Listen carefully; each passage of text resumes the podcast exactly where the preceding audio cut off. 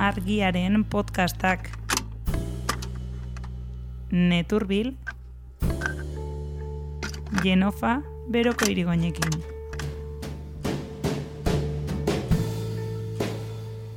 Justizia ez dakit mintzatuko den, baina argi gelditzen ari da bai hilketa horiek politikoak izan direla, bai autoktonoek, bai giza eskubiden aldea direnek, bai ekologistek, denek diote hilketa horiek ba, antolatuak zirela, astetik buru norbaitek lotu dituela, eta norbait hori dela nunbait eh, boterea, Bolsonaro eta bere ingurukoen uh, interesen alde da bilen uh, sare bat.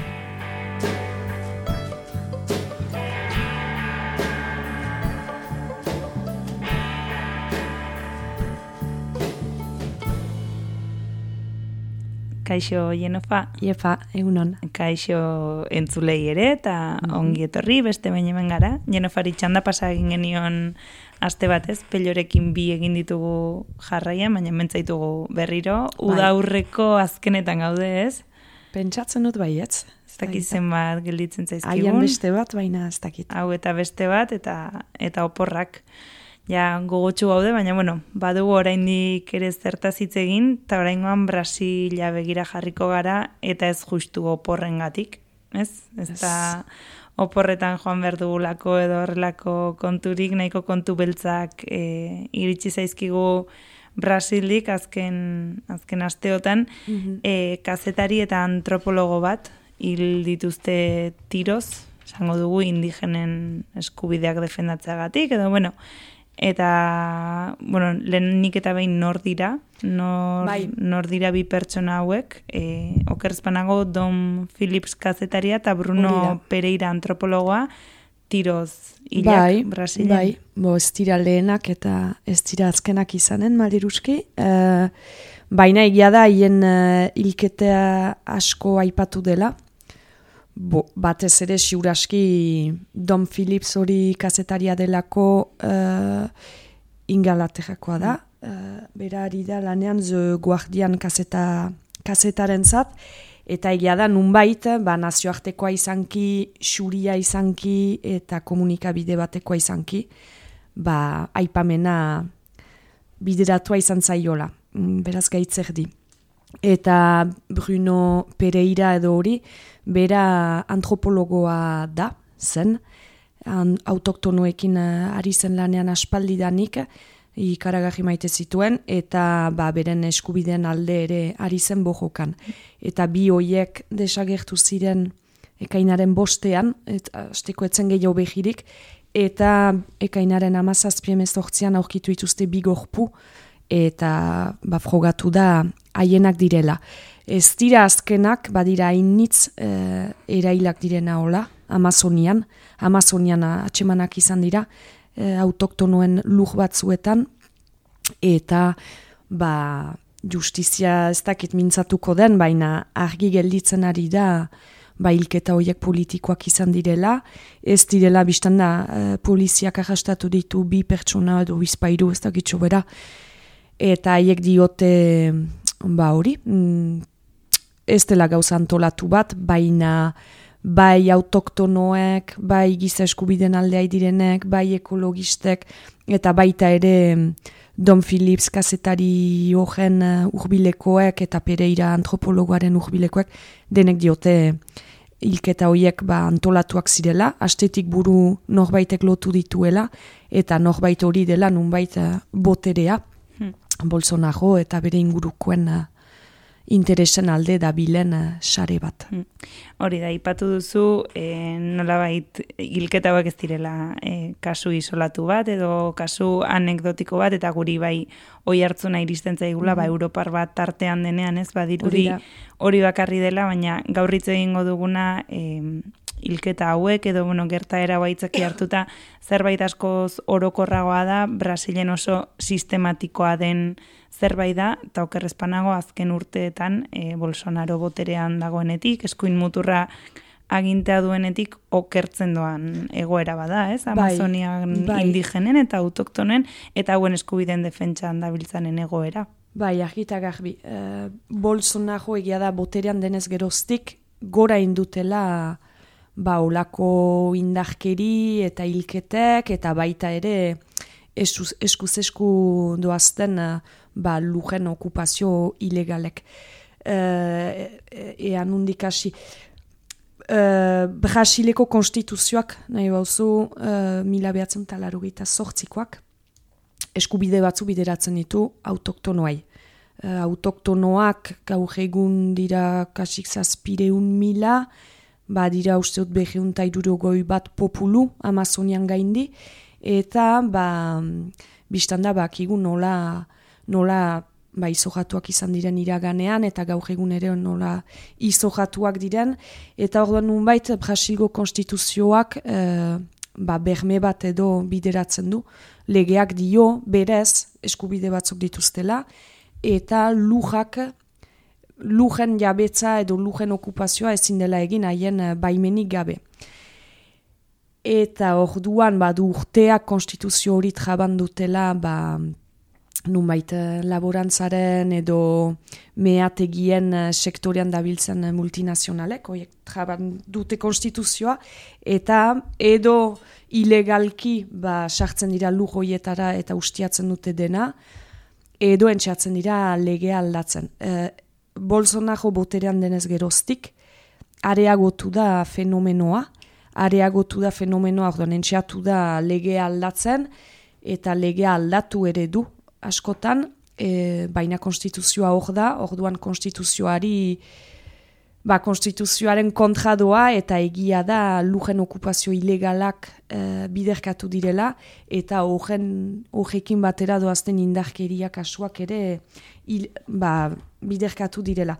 Adibidez, e, kalkulatzen da, Bolsonaro boterera helduz geroztik, uh, euneko eunta behoita bataz emendatu direla lujen okupazio ilegaloiek, beraz lapurketak, autoktonen lujetan sartzea eta baustiatzea hori euneko eunta behoita bataz emendatu da, eta lujari eta ingurumenari loturiko gatazketan hildakoen kopurua ere sekulan baino goragokoa da.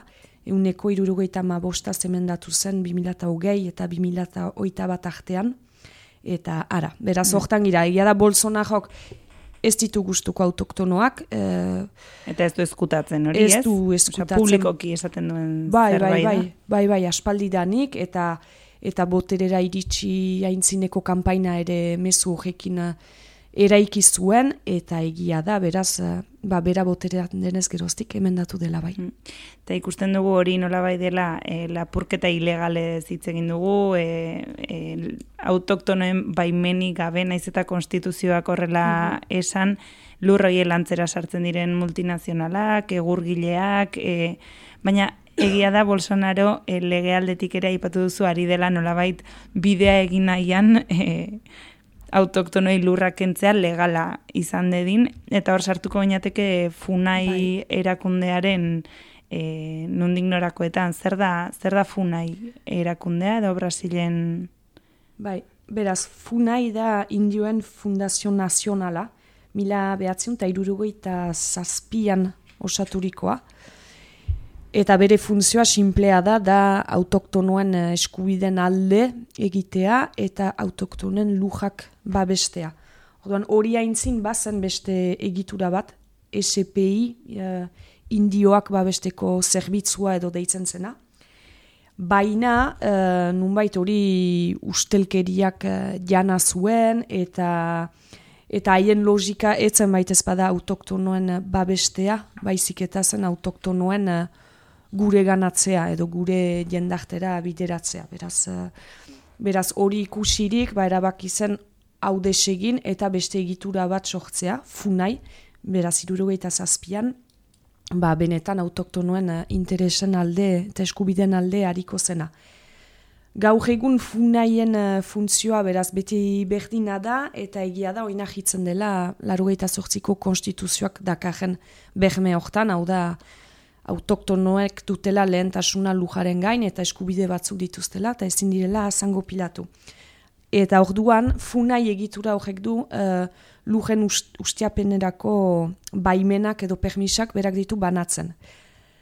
Orduan hori ere trabadu bolsonajok eta bolsonajon lagunak diren eh, ba, laborantzako multinazionalek, e, meategiek, ba hori guztiek funai traban dute, eta orduan zer gertatzen da bolsonajo boterera iritsi denaz geroztik, bolsonajo oartu da legea etzuela nahi bezain egeski aldatuko, beraz erabaki duena da funai bagnera sartzea eta funai nunbait eraldatzea bagnetik.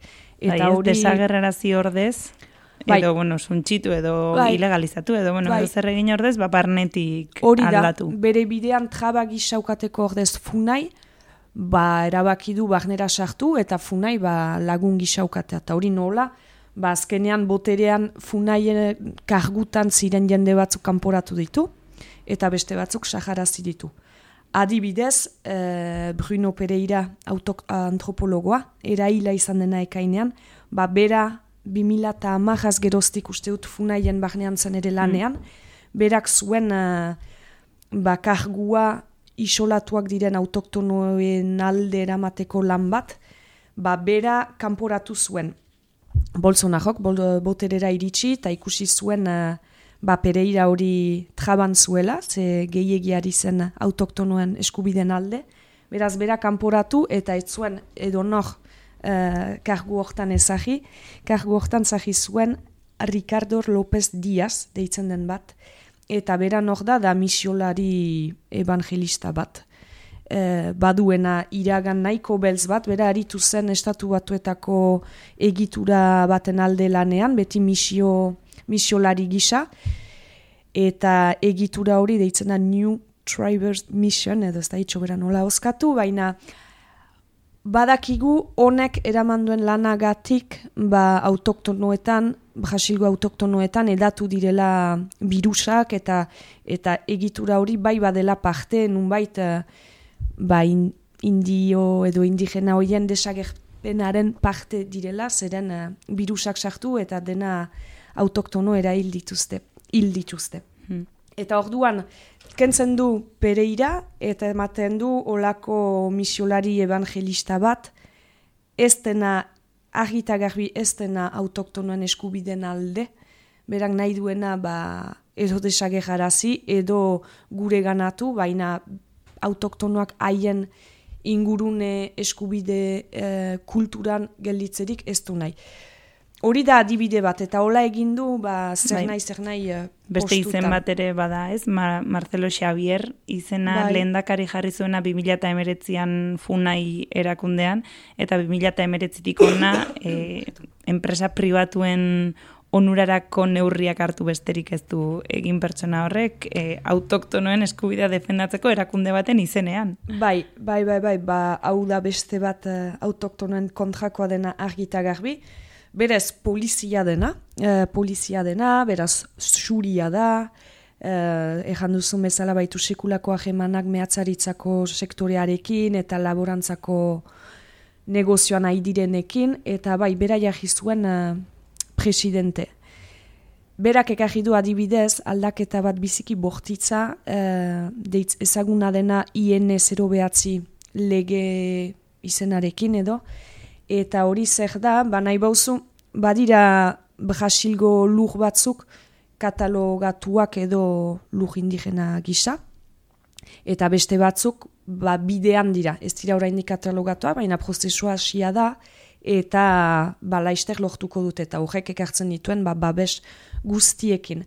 Ba, berak zer egin du, ba, gelditu du hori, eta bidean ziren lujoie guztiak, ba ditu nunbait pribatuen esku ere, edo pribatuek, pribatuak sar daitezke lujoietara. Eta oh, badakigu zekaltek ahiko duen horrek, bai autoktonoen uh, ere mua jaten delako, autoktonoekin ahemana urbiltzen delako eta beraz birusa eta pandemian ahiskua areagotzen duelako, eta beraz autoktonen desagerpena, eta ba, ingurumenean dakarzken kalte guztiengatik. Ezkira ari kilometro batzuetaz, batzuetaz ari gira beheun eta mazazpi teritoriotaz eta hektareatan hitz eginez kasik amak milioi hektareaz. Beraz, amak milioi hektarea desagejarazi ditu, uh, tipo horrek, Bolsonarok presidente izendatu duen Marcelo Javier edo pertsona horrek. Hori da adibide bat, baina pasa ditu olako dena lege. Eraz, bi izan aipatu ditugu, baina orokorki Bolsonaro ari da sartzen denetara, ba, bere bere Lagunak, interesen ez? aldekoak, bai. Adibidez, eskualde mailako, oita emeretzi ko koordinazioetatik bakarrik bitan dira funtzionario batzuk, eta beste guztietan dira edo militar edo poliziak. Eta hori leheno etzen nola. Leheno funai zen egitura bat, autoktonen alde ari zena, autoktonen alde bojokan ari zirenak ziren karguetan, eta orai hori bestelakotzen ari du Bolsonaro. Eta funai hau gobernuaren barneko erakunde bada edo aparte Bai, da erakunde publiko bat Publiko da, bai. bat. Bai, bai, bai. Eta kontua da, e, badirela, erakundeak, ez okerrezpanago indigenistas asociados eta inex, ari direnak e, ikerketa lanetan Bolsonaroren estrategia hau, ez? Funai barnetik Bai. suntxitzeko estrategia hau e, aztertzen, ikertzen, baina ez da lan erresa izaten ari, ze okerrezpanago beraiek ere izan dituzte mehatxuak, e, sorpresak, e, eta eta erasoak ere bai. Bai, bai, bai, ajunt.